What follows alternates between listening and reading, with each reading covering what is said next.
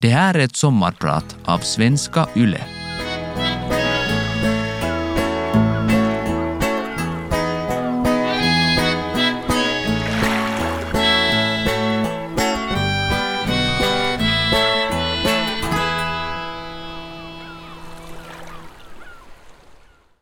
Ju äldre jag blir, och det blir man ju dag för dag, tack och lov, ja alternativet det är mycket trist. Eh, ja, ju äldre jag blir, desto mer inser jag hur stor roll slumpen spelar i våra liv. Jag anser att slumper har en större betydelse än vad man gement kanske vill erkänna. När valet står jämt mellan tvenne alternativ, eller när situationen inte upplevs som en direkt valsituation, då spelar slumpen en alldeles avgörande roll, vill jag hävda. Nå, allt styrs ju för all del inte av slumpen, missförstå mig nu inte genast här i inledningen, men nog ganska mycket när man ser närmare på saken. Jag ska ge mig in på att, så gott jag förmår, redogöra för mina tankars kullerbyttor, eller kanske i ert tycke våghalsiga vurpor. Jag brukar presentera mig själv som skådespelare och musiker. Det som ibland sammanslås under rubriken artist. Det låter en aning pompöst i mina öron. Men låt nu gå för det. Själv tycker jag jobben påminner mer om hantverk. Lite som att snickra. Och detta är inte alls i förringande mening av varken det ena eller det andra. Mitt namn, Peik, hittade min mor när hon för sin son behövde ett namn som gick att uttala på de båda inhemska språken. Det här var viktigt eftersom mormor och morfar var finskspråkiga. Morfar hade flytt Sovjet på 30-talet, ingamanländare som han var, skirat över isen på Ladoga en vinternatt när pappan arkebuserades och resten av familjen skulle tvångsdeporteras till Sibirien. Mormor och morfar bodde granne med oss i Ymmersta, en liten by på gränsen mellan Esbo och Grankulla.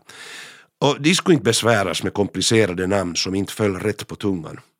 Det hade min storebror Kenneth med H på slutet fått erfara tre år tidigare och det skulle inte upprepas. Och min mor råkade hitta en bok, Peiks äventyr, skriven av norskan Barbara Ring. Ja, boken var i bokhyllan hemma hos oss. Tänk ett så bra namn som fungerar på båda språken, tänkte mor och fick far med på det hela. Så det smått ovanliga namnet Peik fick det bli. Göran som andra namn efter min far. Peiks äventyr har aldrig varit någon kioskvältare inom nordisk litteratur. Försäljningssiffrorna är knappast hisnande. Boken finner man följaktligen inte i varje hem. Så vilken tur att det inte var boken Moby Dick. Mm, jag tror bästa lyssnare du förstår. Slumpen. Mitt namn är Peik Stenberg och idag är jag din sommarpratare. Efter fyra år i folkskola fortsätter min bana till Grankulla samskola. Aldrig lyste jag i andra ämnen än finska. Och detta för jag vuxit upp hos mormor och morfar. Finska språket var mitt andra modersmål. Skolan kändes närmast som något nödvändigt ont där man i kompensation kunde träffa kamrater. Eller då hålla sig undan ovänner. Ja, i någon form av balans. Försöka klara sig. Men sen spelar slumpen sitt spratt. En vän i byn, Hans, hade en gitarr av märket Helena. Billig, byggd i faner, falsk, tungspelad med metallsträngar och två centimeter mellan sträng och greppbräde. Hemsk. Den fick jag knäppa på. Enkla sånger som just hörde Down on the corner, ett minne från barndomen. Och den knäppte jag på allt medan Hans och min storebror lyssnade på Black Sabbath och Uriah Heep. Jag blev inspirerad. Jag fick till och med låna Hans gitarr och spela där hemma. Och efter en del gnäll och tjat fick jag så småningom en egen landola och gitarrlektioner i ett års tid för Håkan Riska i Grankulla musikskola. Det var ingen slump det här med musikskolan, nej, noga planerat. Men nu, nu kommer slumpen in i bilden. För vi råkade få en ny musiklärare, Barbro Bergqvist. Jag vill minnas att hon jobbar som radioredaktör och musiklärare. Hon tog tag i musikundervisningen inom skolan med alldeles nya tag. Psalmsjungande på musiklektionerna upphörde och vi började musicera själva. Och det framkom att många elever hade musik som hobby. Att de rent av hanterade instrument av de mest varierande slag.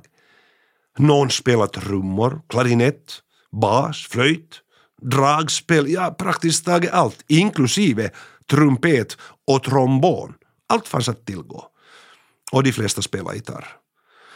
Följden blev en orkester som Barbro ledde varje vår och julavslutning och kören sjöng. Totalt var det 150 elever i orkestern och kören. Och många av eleverna har fortsatt med musicerande, några även professionellt. Musicerande fick mig att fortsätta till gymnasiet, om så bara för att få fortsätta spela och sjunga.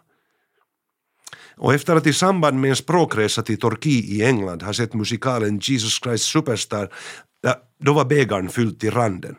Och droppen som fick den att rinna över, det var Teaterskolans annons i Hufvudstadsbladet samma år då jag lyckades klara studentprovet.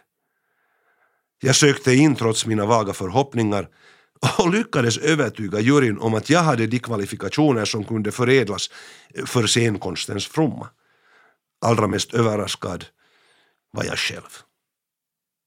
Och allt, hela händelseförloppet började, och det här vill jag hävda, allt började med den gamla hemska fanergitarren som av en händelse, av en slump, råkade finnas hemma hos min brors kompis.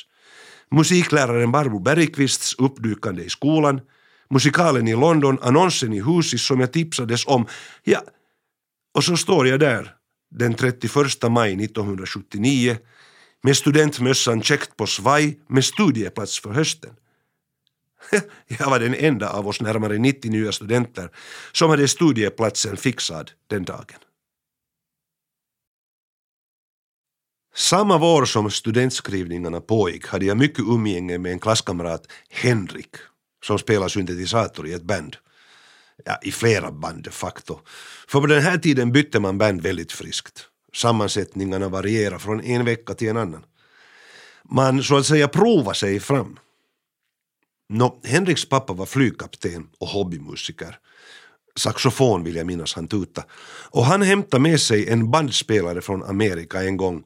Och Henrik och jag övade oss på att göra inbandningar på våra kamraters orkestrar i Henriks pappas garage. Nå, inte var det alltid så lyckat. Någon gång kanske nöjaktigt. Men vi lärde oss han efter. Dessutom hade Henrik en granne, Eva, som gick i finska skolan i byn. Och denna Eva hade och har fortfarande en väninna som också heter Eva. Och vi umgicks först alla fyra, men småningom två och två. Och jag alltså då med väninnan Eva. Vi kom att bli ett par. Studierna och musicerande fortsatte och jag uppträdde som trubadur antingen ensam eller med någon vän från skolorkestern som till exempel Thomas Ek eller Pasi Hihtola. Eva och jag flyttade ihop, förlovade oss och ungefär i samma veva var studierna avklarade och jag fick jobb som skådespelare på dåvarande Skolteatern. Teatern hade fått nya fina utrymmen i Esbo på de aspelinska tidigare ägorna alldeles invid Åbo motorled. Jag ville inte på något vis uttryckligen jobba just med teater för skolelever eller för barn, det, det bara blev så. För jobbande var viktigt, då som nu. Och jag erbjöds en plats, ja, och, och så tog jag den. Slumpen. Barnteater, no, det är nu ett kapitel för sig. För det förefaller som om föräldrar, alltså vuxna, inte riktigt förstått hur viktigt det är att gå tillsammans på teater med barnen. Att dela upplevelserna gemensamt. Samma gäller för övrigt andra former av kulturella jippon. För hur skulle barnen sen någon gång i ett senare skede av livet förstå att uppskatta till exempel teater som konstform om de inte har vuxit upp med det? Det görs fin barnteater i vårt land. All heder till dagens barnteatrar. Fria grupper, ja, till alla er som utför detta viktiga arbete. Skolteatern, det var en fin upplevelse, en bra fortsättning på studierna. Men namnet Skolteatern eh, tycker jag tyvärr missvisande. För folk blandade ihop teaterskolan och skolteatern och hade alldeles tydligt fått för sig att skolteater, ja, teaterskola, det är nu i stort sett samma sak. Någonting man börjar med, innan man är redo att eh, börja med teater på riktigt. Så att byta namn till Unga Teatern från Skolteatern, ja, det var ett bra drag. Teaterapa är för övrigt ett uttryck jag aldrig har förstått. Så fult, så kränkande, så plumpt. Men tanken att teater för barn är mest en lek som man senare i riktig teater lämnar sen bakom sig för att göra teater på allvar för vuxna så... Åh! Den är bara så klantigt tänkt. Våra pjäser som turnerade i skolorna i Svenskfinland var innehållsmässigt riktade till skolelever. Därav namnet, ifall det ännu är oklart för någon. Och på scenen i Lillklubb spelade vi till Sto, Pojken med de gröna fingrarna, Momo, Kampen om tiden och, och många andra fina pjäser. Vi lyckades etablera en ny teaterscen i Svenskfinland. Och visst var vi stolta. Ja, inte helt oförtjänt, ska jag säga. Det var en härlig tid.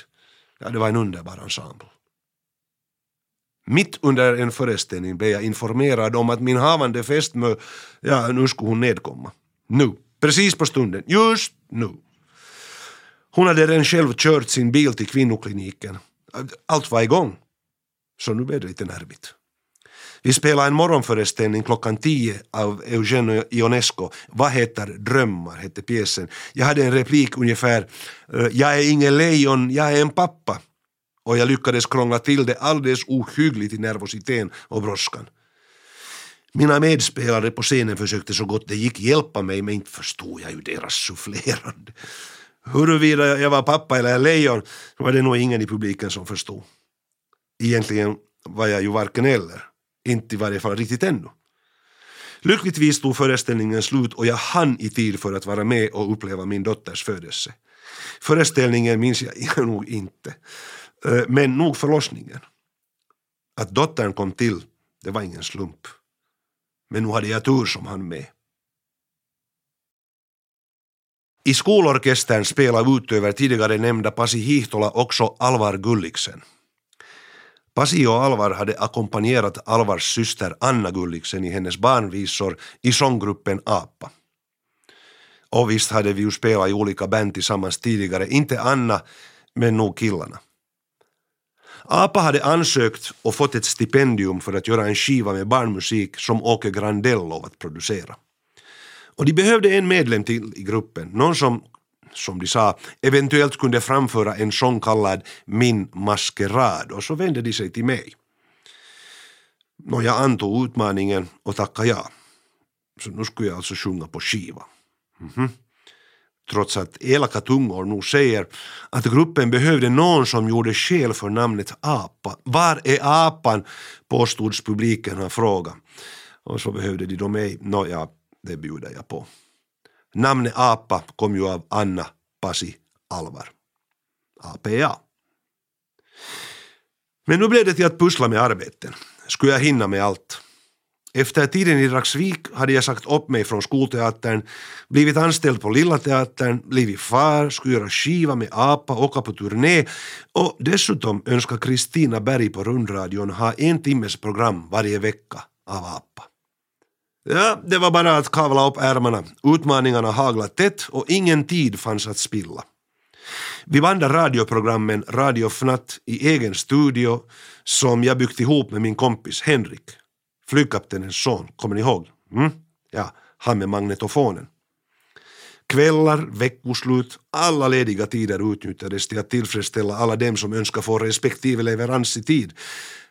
Och här vill jag säga stort tack till min hustru redan nu hon som förtjänstfullt skötte vår dotter, hemme och dessutom sitt eget arbete utan knot. Den första hösten, den gick fint med alla jobb. Jag spelade i Kvirr av Steven Berkoff, en riktigt fräck pjäs på Lilla Teatern och chefen Asko Sarkola var nöjd när teaterns ekonomi räddades. Det handlade ju om en privatteater på den tiden och lånade pengar för att betala löner med, det kan bli riktigt dyra pengar till syvende och sist.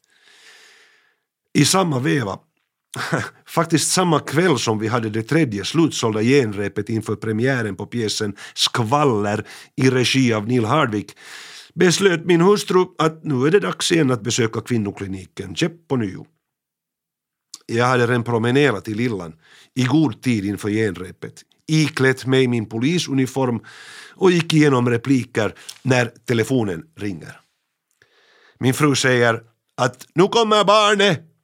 Hon har kört till kliniken för egen maskin igen, alltså att förlossningen var igång. Klockan var 25 över sex, föreställningen skulle börja klockan sju. Jag skulle lyckligtvis inte in på scenen förrän klockan tio över åtta, med äh, gott om tid. Ja, nå, en förlossning, jag ska man väl hinna med. Nå, ja. Snabbt i en taxi, polisuniform eller inte. Det var förbjudet att röra sig på stan i en äkta polisutstyrsel, men, men, men, men nu var det bråttom. Snabba ryck till kliniken, in i förlossningssalen efter snabbt klädbyte. Ah, klädbyten, det var man ju van med från revytider. Och min fru födde, som det kändes, på 17 sekunder blankt, klockan 20 minuter över sju. Mamman och barnen mådde förträffligt, men fadern svimmade på vattensängen i förlossningssalen. Ja, det är sant, jag svimmade faktiskt. Nå, efter lite knus och mys, klädbyte och taxi tillbaka till Jorisgatan och spänningen där. Andra akten hade just börjat. Fem minuter senare gick jag in på scenen som polis och jag hade inte en blekblå aning, inte en susning om vad det handlade om. Och jag var då alltså den som skulle reda upp alltihop. Jag var i en annan pjäs. Jag är fullständigt hjälplös. Mina kollegor gjorde vad de kunde. Eh, de skuffade mig hit och dit, ställde improviserade frågor och de försökte hjälpa mig på traven för att få tag i tråden som jag hade tappat. Tappat tråden? Jag tappade hela symaskinen. Jag hade meddelat teatern per telefon att jag är på väg, att allt är i ordning. Kör ni igång bara med andra akten, jag hinner nog. Ja, det blev en fin flicka. Och så står jag där på scenen, borttappad som en vante i snön. Att det skulle bli förlossning just ikväll klockan 19.20. Det var slumpen igen. Det stöd och den hjälp mina kollegor på scenen gav mig, medvetna om vad jag varit med om, det, det har jag aldrig erfarit, varken, varken förr eller senare. Det var mycket pirr i luften den kvällen. Och så vi skrattade. Men först rejält efteråt. Tack ska ni alla ha. Mitt namn är Peik Stenberg och idag är jag din sommarpratare. Det som däremot vållade huvudbry, det var Radio Fnatt och de många svängarna i den långdansen, för Anna skulle få barn och Alvar var i egenskap av bildkonstnär inbjuden att delta i biennalen i Sao Paulo i Sydamerika. Bägge skulle alltså vara borta en längre tid, Anna för att sköta babyn, Alvar för att koncentrera sig på biennalen och verken som skulle ställas ut. Nu fick vi ta oss en funderare, Pasi och jag. Vi konstaterade att vi blev tvungna att lägga om konceptet, skapa nya figurer och filurer som skulle beredas plats i programmet. Lyckligtvis är Pasi en idéspruta av rang. Han dirigerade mig som skådespelare åt olika håll och instrumentet var rösten. Jag gjorde roller som lät olika och hade olika saker att berätta om. Och bland de här otaliga personerna inom Radio Fnatt råkade sig inte bättre än att två kockar, sås och kopp, två veritabla såskoppar som kokade soppa på en spik, fick sjunga en sång och det, det var sången som Pasi hade sammansatt, sången Chili con carne med socker på. Och det gjorde de på sitt kännspaka sätt. I varje sändning av programmet Radio Fnatt hade vi som målsättning att ha en nyskriven sång att bjuda på. Med bara två kvar av den ursprungliga orkestern följde på Passis lott att skriva sånger och jag skulle i min tur hitta på andra karaktärer att fylla programtiden med. Och Pasi, den otroligt skickliga ordsnickaren han är, kom vecka efter vecka med den ena fina sången efter den andra. Och när telefonen sen började ringa och man ville se Sås och Kopp uppträda, då fanns ingen återvändo. Sången hade vi gott om när vi åkte på keikka så det var bara att välja. Och en morgon kom Pasi med två nya sånger. Han hade drabbats av dialekt. Varifrån han fått det, det vet jag inte. Men nu skulle det sjungas på dialekt. Och inte bara sjungas, utan sången skulle framföras som rap, det vill säga en slags talad rytmisk vers varierad med sjungen refräng. Dr. Alban var stor rapartist i Sverige och vi skulle travestera på det. på dialekt. Östnyländska, tyckte Pasi. Jaha, jag har ingen koll på östnyländska, sa jag. Nå, improvisera, sa Pasi. Så kanske lätt att säga så här i efterhand. Ja, improvisera i egen studio har man ju tid att göra det, så okej. Okay. Resultatet blev sången Traktoralvan, vilket visade sig vara en riktig hit. Och det är väl nu man brukar säga the rest is history. Nu blev vi tvungna att skrapa ihop en orkester, åka på flera spelningar. Här kom gamla kompisar från skolorkestern igen med i bilden. För hellre goda vänner och hyfsade musiker än goda musiker och hyfsade vänner i samma band. Alvar hade inte tid helt enkelt på grund av sitt målande. Men av en händelse råkade Niklas Roström anmäla intresse. Och när vår trummis Niklas, som jobbar som producent på Svenska Teatern i Helsingfors, fick i uppdrag av teatern att fråga om Sosso Kopp ville göra en pjäs på stora scenen så ja, sånt tackar man inte nej till. Vi vill göra en egen version av Robin Hood i musikalform. Det är vår önskan, sa vi. I regi av Sven Sid. Ja, det passar, sa chefen Lasse Svedberg. Senare har pjäsen satts upp av sommarteatrar och amatörteatergrupper och den har också gått på export. Och när Robin Hood sattes upp på Norska Riksteatret, en turnerande, riktigt stor norsk teater, satt vi salongen på premiären i Kongsvinger. Det, det var lite magiskt. Lite overkligt. Men definitivt härligt. Slumpar eller inte, i, i varje fall hade jag inte planerat det här. Inte alls. Inte ens fantisera i mina vildaste drömmar. Jag har haft lyckan att få medverka på Svenska Teatern i flertalet musikaler och talpjäser. Jag har gjort tv-program, jag har gjort radio. Att jag ännu skulle få chansen att göra en huvudroll i en långfilm, det var nog kronan på verket. Inte hade jag trott att en sak, så till synes enkelt och rätlinjigt, leder till en annan. För det är slumpens förtjänst att jag blev vald till att provfilma för en tv-reklam. Mhm. Mm Sedermera blev det fler reklamer. Men jag visste inte om att det fungerar så här. Åtminstone den, denna gång så gick det till så här. Alltså. Ett stort inhemskt bolag vill marknadsföra sin produkt, en ost. Bolaget beställer en provfilm för sin kommande reklam. Provfilmen filmas i grova drag och rollerna besätts med tilltänkta rollinnehavare. Så jag blir uppringd och tillfrågad om jag har lust att provfilma för en ostreklam för TVn. Varför inte, säger jag och infinner mig. Man rafsar ihop en demo som ska ge bolaget ett hum om vart projektet är på väg innan det är för sent att backa eller innan det blir för dyrt. Ja, sagt och gjort. Hör och häpna, reklamen ska göras och jag får till och med rollen som familjefadern ja, i den kanske 15 sekunder långa snutten som nu ska göras. Och ett jättemaskineri dras igång. Ett filmbolag engageras och möten hålls. Minutiös planering framskrider och så en dag skjuts reklamsnutten med över 50 personer medverkande med allt från kläder och scenografi till ljus och ljud, kameror och hela faderullan. Det är hojsigt. det är Ett stort maskineri. En regissör skymtar till bakom en skrin där han följer upp arbetet, jag känner inte igen honom. Ingen aning vem det är. Reklamen kommer ett halvt år senare ut på TV. Ah, ser du?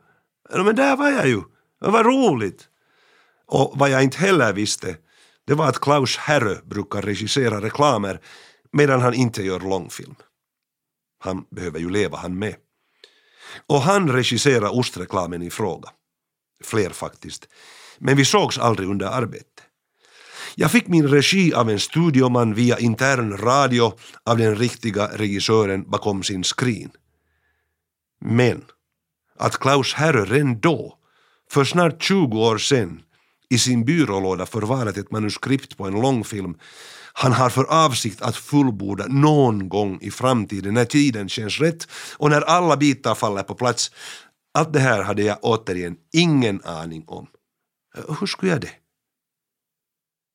Gode Klaus sa senare att redan då vi gjorde första reklamen tillsammans började han tänka i banor som att Månne han nu har en skådis som skulle kunna gestalta Klaus far i hans på lång sikt, kanske någon gång, när alla stjärnor ligger rätt i förhållande till varann, kommande film.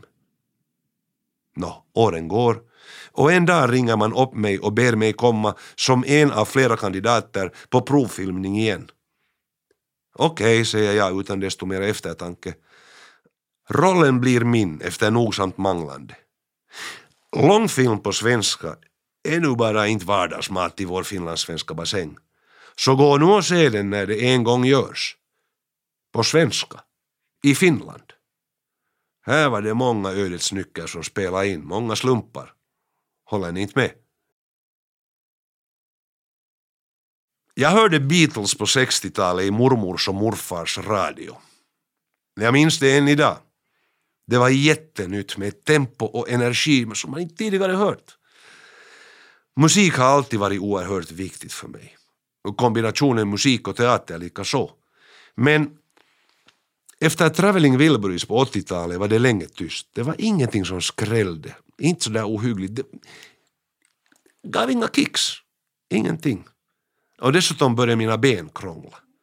Det började med en konstig känsla under fotsulan.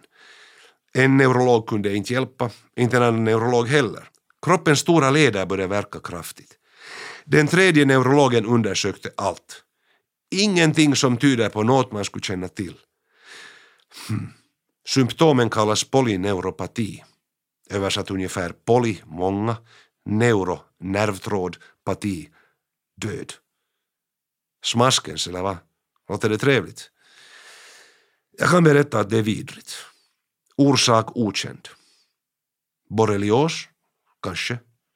Men efter två ryggmärgsprov, tre magnetröntgen, 250 blodprov, nej, inte borrelios.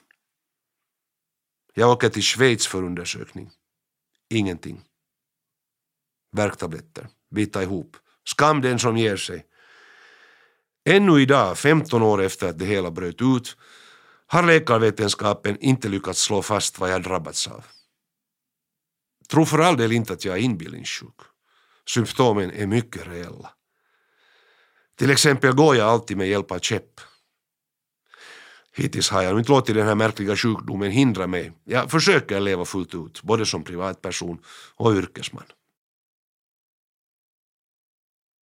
Det var kanske ingen slump att jag blev sjuk. Men å andra sidan kan jag inte heller peka på något konkret som ledde till det här. Nej. Nej, det är bättre att tala om något trevligare. Något som faktiskt är styrt av slumpen. För det är ju ändå tema för mitt program. Min goda vän och kollega Sixten Lundberg och jag uppträdde en kväll i Chimito på Villa Lande. Följande kväll skulle vi till Hangö Branki, så att köra av och an till storstan däremellan, det kändes onödigt. Speciellt som Sixten erbjöd härberge hos sig i Tenala.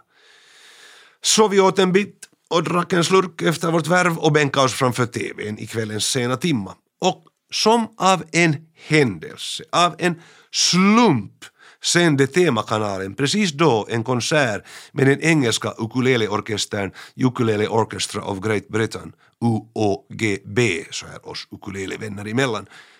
Och jag blev helt såld. Jag hade ingen kännedom om ukulelen som instrument. Tyckte väl bara att det handlar om en gitarr i miniatyr med allt för få strängar. För nybörjare, kanske för barn. Mm. Oj, oj, oj, oj, oj vad jag misstog mig. Orkesterns kanske en timme långa konsert den flög iväg som på vingar och deras musikaliska fyndighet, spelglädje, stämsång, allt, allt var bara så rätt. Pang på rödbetan, det stämde för mig. Och här kommer slumpen igen. Det visar sig att UOGB gästar Uppsala om två veckor. Biljetter skaffas och jag och min hustru åker iväg för att se dem live. Ah, oförglömlig konsert. Bättre än Uriah Heep 1972 i gamla ishallen i Hällfors. Och mycket bättre än John Fogerty på ölarenan. Så nu gäller det att skaffa sig en ukulele, att lära sig. Hitta några andra spelgalna att börja spela med. Mm -hmm. Min kompis Andy har en ukulele som jag får prova och han vill gärna spela med mig. De är så bra. Ja, någon till? Kanske någon från skolorkestern har lust? Hmm. Oh, jo, det har de. Till slut är vi nu sex stycken i vad vi kallar Grankulla ukulele-sällskap, förkortat GRUS. Och roligt har vi. Vi får helt själva spela vad vi vill. Vi har friheten att göra exakt de galnaste potpurrier vi själva kommer på. Bara låta fantasin inte bara löpa utan skena iväg. Kanske just där i ligger den största behållningen. Det sägs att den musik man hör i tonåren är den musik man bär med sig livet ut. Kanske så. Men för mig betyder det för all del inte att den är så helig att den inte får skrivas om, inte bearbetas eller omstöpas på nytt. Nå, undantaget då kanske nobelpristagaren Bob Dylan. Den lilla ukulelen skänker så mycket glädje. Den är tack vare sin litenhet enkel att ta med vart än man åker. Lättspelt som den är sänker den tröskeln att aktivt börja musicera. Riktigt själv. Tänk nu, bara fyra strängar och du har fem fingrar. Gitarren har sex strängar och du har fortfarande bara fem fingrar. Mm, bara en sån sak. Ukulelen konkurrerar ut blockflöjten i lågstadierna har jag förstått. Och det är tur det. För 30 blockflöjter, det är ingen fröjd för öra. Det tycker jag däremot 30 ukulelen kan vara. Hör nu på Ukulele Orchestra of Great Britain och marsch till musikaffären för en ukulele i varje hem. Det blir det snart lag på. Mm. Tack för mig. Mitt namn är Peik Stenberg och idag har jag varit din sommarpratare.